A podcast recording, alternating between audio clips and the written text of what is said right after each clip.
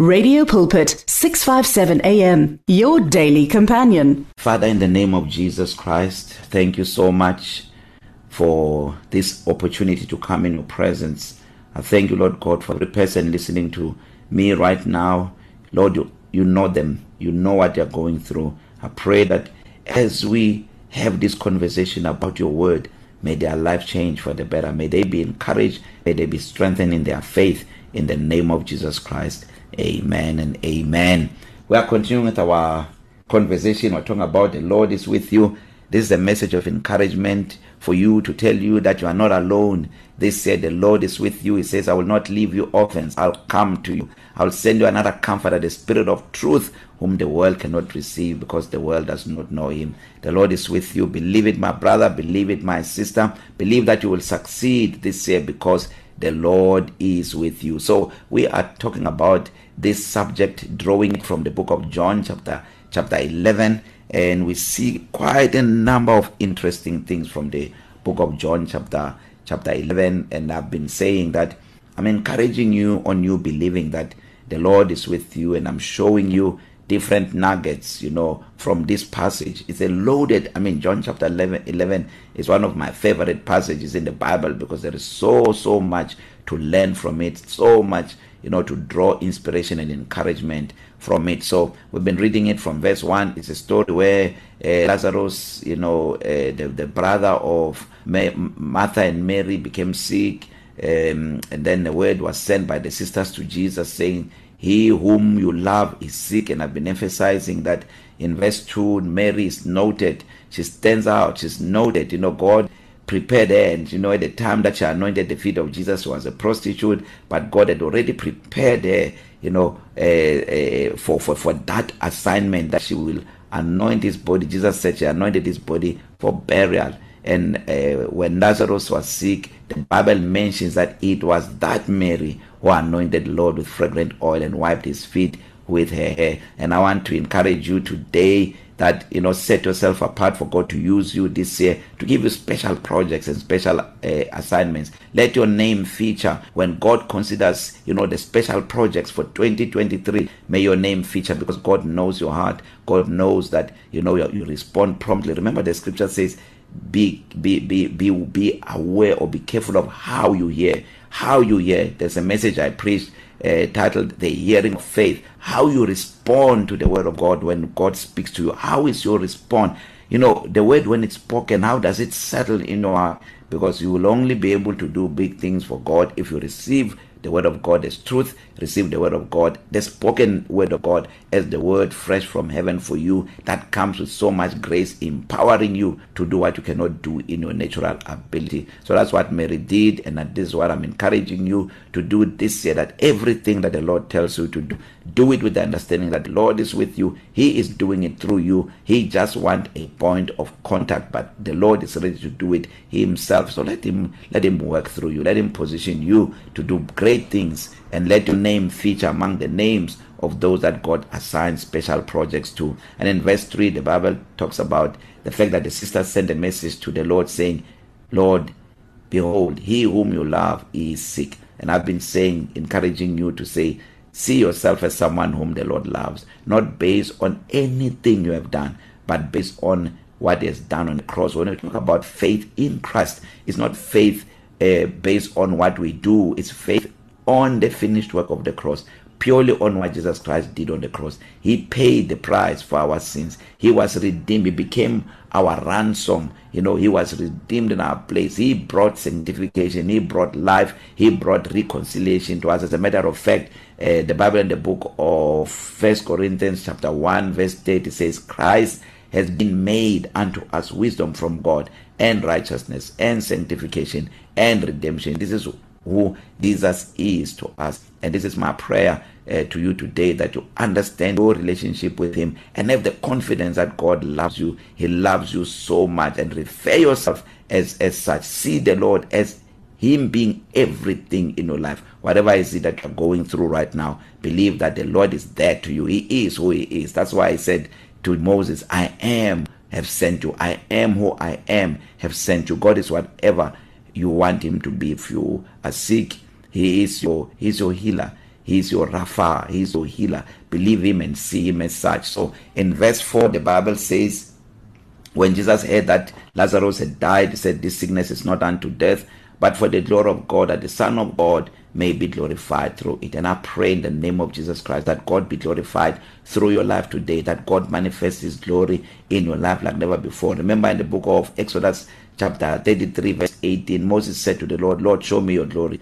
And God said to him, I will make my goodness to pass before you. I pray that 2023 God will make his goodness not to pass before you but to dwell with you may you experience his goodness every moment of every day you know when god you're going through something an, an impossibility of some sort and God show up and deal with that impossibility. That is the glory of God because that is evidence of a tangible presence of God. You cannot say that God is with you and there is no tangible evidence of of of, of his love. I understand you know that you may go through a time where you feel like you are alone and all that and you have to appropriate the things of God. But you cannot say that the Lord is with you all the time but you do not see evidence of his presence. And I want to assure you if you cultivate you know the the the presence of God if you practice the presence of God if you maintain a consciousness that you know the Lord is with you his presence will be attracted to you so much. You will see tangible evidence of his presence. But one other thing that is so important he is not just with you. You know uh, for the sake of being with you. He's with you to empower you to manifest his grace to also use you for his own glory. So when he tells you to do something don't ask questions. Do what the lord tells you. Whatever he leads you to do. Remember the mother of jesus at the wedding in Cana. Told the servants whatever he tells you to do do it. And i pray that whatever the lord tells you to do this year you are going to do it. Now verse 5 we're going to go to verse 5 it says John chapter 11 verse 5 says now Jesus loved Martha and her sister and Lazarus.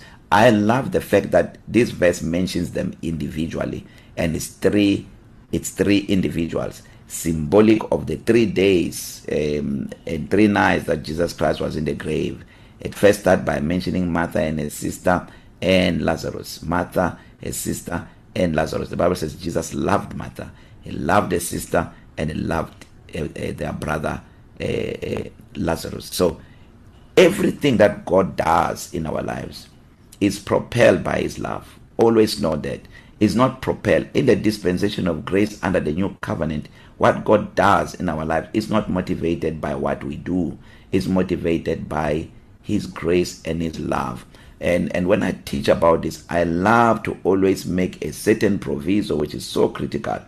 It's one thing for for for for you as a believer you know to just appropriate the love of God for you and it ends there God still loves you but there are certain places he cannot take you because of your level of maturity God will only take this a certain group of people to these places because they have grown in their knowledge of God they've walked and walked with God. You know God can trust them. They've been tried and they are tested. So when it comes to the kingdom of God it's one thing for you to just rely on the love of God to receive which is okay. This is what Jesus Christ died for. But don't stand there. Don't don't don't don't stop there. I see this as a as a as the beginning as the first step that Jesus Christ loves us. He died for us. But there's another element.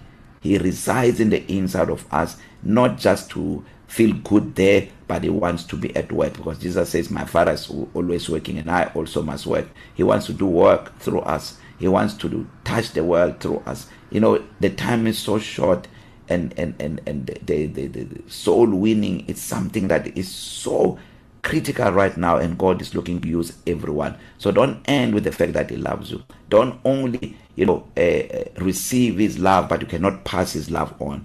You, you receive his grace but you cannot pass the grace of God on. Even Abraham when he called him he said Abraham I will bless you and and and make your name great. And then he says and you shall be a blessing. What does that mean? It means you don't end with what you have received, you pass it on. And this is my encouragement for you this year. Jesus died for the sins of the whole world. That is why in here you see in, in this scripture the Bible talks about Martha and her sister and Lazarus, three figures representing the whole human race that God loves us so much. Now listen to this. Verse 6 says, So when he heard that he was sick, he stayed two more days in the place where he was. This is so important for us to note because I want us to understand what God is up to this year. God is, for a lack of better word, desperate to show forth his glory. He's looking for opportunities to show forth his glory. But these opportunities, what attracts the glory of God, what attracts the grace of God, what attracts, you know, uh, the goodness of God is faith. When you have faith, when you believe in what Jesus Christ has done for you on the cross, I tell you, you you you you you you position yourself for God to demonstrate this. And we see this very clearly in verse 6 the bible says when he heard that Lazarus was sick he stayed two more days not that he was busy. He intentionally stayed two more days so that by the time he goes uh, uh, to the tomb of Lazarus Lazarus is already dead for 4 days. And the importance of 4 days is that when someone has died for 4 days um the the the, the odds against that person being raised from the dead are very very high because his body begins to decay. So this was what was the case. Jesus intentionally stayed two more days to make the situation very complicated. And i want to encourage you today that you know don't be don't be moved by how complicated your situation is don't be moved by how complex how difficult, how impossible it looks. That is what actually manifests the glory of God because the Bible tells us that the knowledge of the glory of God shall cover the earth as the waters cover the sea. So, meaning the world will know the glory of God. How will the world know the glory of God? When they see the tangible display of His presence. Because the Bible tells us that where the presence of the Lord is, there is liberty there is emancipation from bondage. And this year i want you to know this that the lord is with you. He's not moved by that complicated situation. You know it may move you that situation may be complicated for you but listen it is not complicated to god. The lord is not moved by that situation. He actually uh, delight in situations like that because they present him with an opportunity to do something beyond the ordinary. So in in chapter 11 the Bible says these things he said and after that he said to them our friend Lazarus sleeps but I go that I may wake him up. Then the disciples said Lord if he sleeps he will he will be well. However Jesus spoke of his death but they thought that he was speaking about taking rest in sleep. Then Jesus said to them plainly Lazarus is dead. And then in verse 15 he says this is so profound.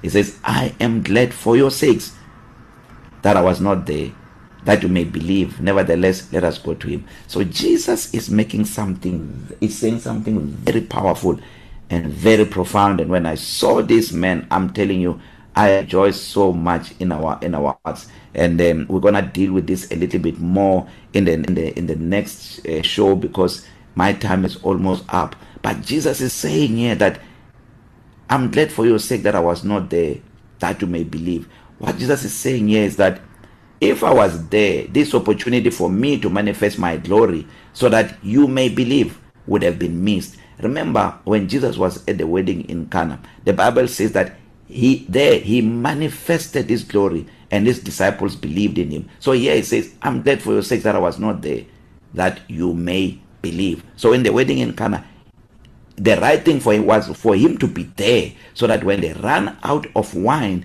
while he is there because where Jesus is there is no lack my brother my sister. He says there he, he needed to be there because an opportunity came in lack. But in this instance he says no I'm glad I was not there because if I was the fact that I was not there means Lazarus would die. But because if I was not there Lazarus would not have died and an opportunity for me to manifest my glory would have been missed. So what is it that you're going through today? What is it that you're going through today? Let me tell you the Lord is with you and because the Lord is with you, that situation has to change. It cannot remain the same because in places where the Lord was not there let me say this. Let's say you are not born again you just received Jesus as Lord of your life and you've been going through difficult challenges. This is the time for the Lord to manifest his glory because when you say yes to Jesus he comes into your heart and now that he is there all you need is to stay in faith and you will not experience any lack you will not experience any shortage you'll not experience any death in your life. And this is what I encourage you to do to believe this year more than ever that God wants to manifest his glory through any situation that you are going through. And guess what? When he showed up in the tomb of Lazarus, Lazarus was raised up, which means that even you whatever you are going through now that the Lord is on your side now that the Lord is in you now that you know that the Lord is with you may that situation change in your life. It doesn't matter what it is it doesn't matter how it looks like. I declare right now that the same way that Lazarus rose from the dead your situation is coming alive right now. It doesn't matter whether it's hopeless your situation is turning out for your advantage right now because the Lord is with you. I've run out of time. I just want to pray for you right now. If you are not born again have not made Jesus the Lord of your life this is the moment where you say yes to Jesus. Believe in your heart that when Jesus died on the cross he was dying for you and make this prayer with me. Say Lord Jesus I receive you now as my Lord and my savior. Amen and amen. If you made that prayer you are born again. You are my brother you're my sister. I will see you in heaven. I love you so much. Have a blessed day and a blessed week ahead. And may you experience the goodness of the Lord every moment of every day. God bless you. As easy as the touch of a button, the message of life on 657 AM. Radio Pulpit's Facebook page makes you more a part of the station than ever before. Now you can give your opinion regarding our programs or even contact your favorite presenter. You can get the latest news and existing programs and communicate with other listeners. Come on, let your fingers do the talking on Radio Pulpit's Facebook page. It's interactive and dynamic. Just visit facebook.com forward slash Radio Pulpit. Radio Pulpit understands that praying alone isn't always easy. So, join us to form a chain of prayer for you and with you. To do so, send in your prayer requests on 067 429 7564. That is 067 429 7564 or alternatively email us on prayer at radiopulpit.co.za. That is prayer at radiopulpit.co.za. You and 657 AM and life, a winning team on the road to eternity.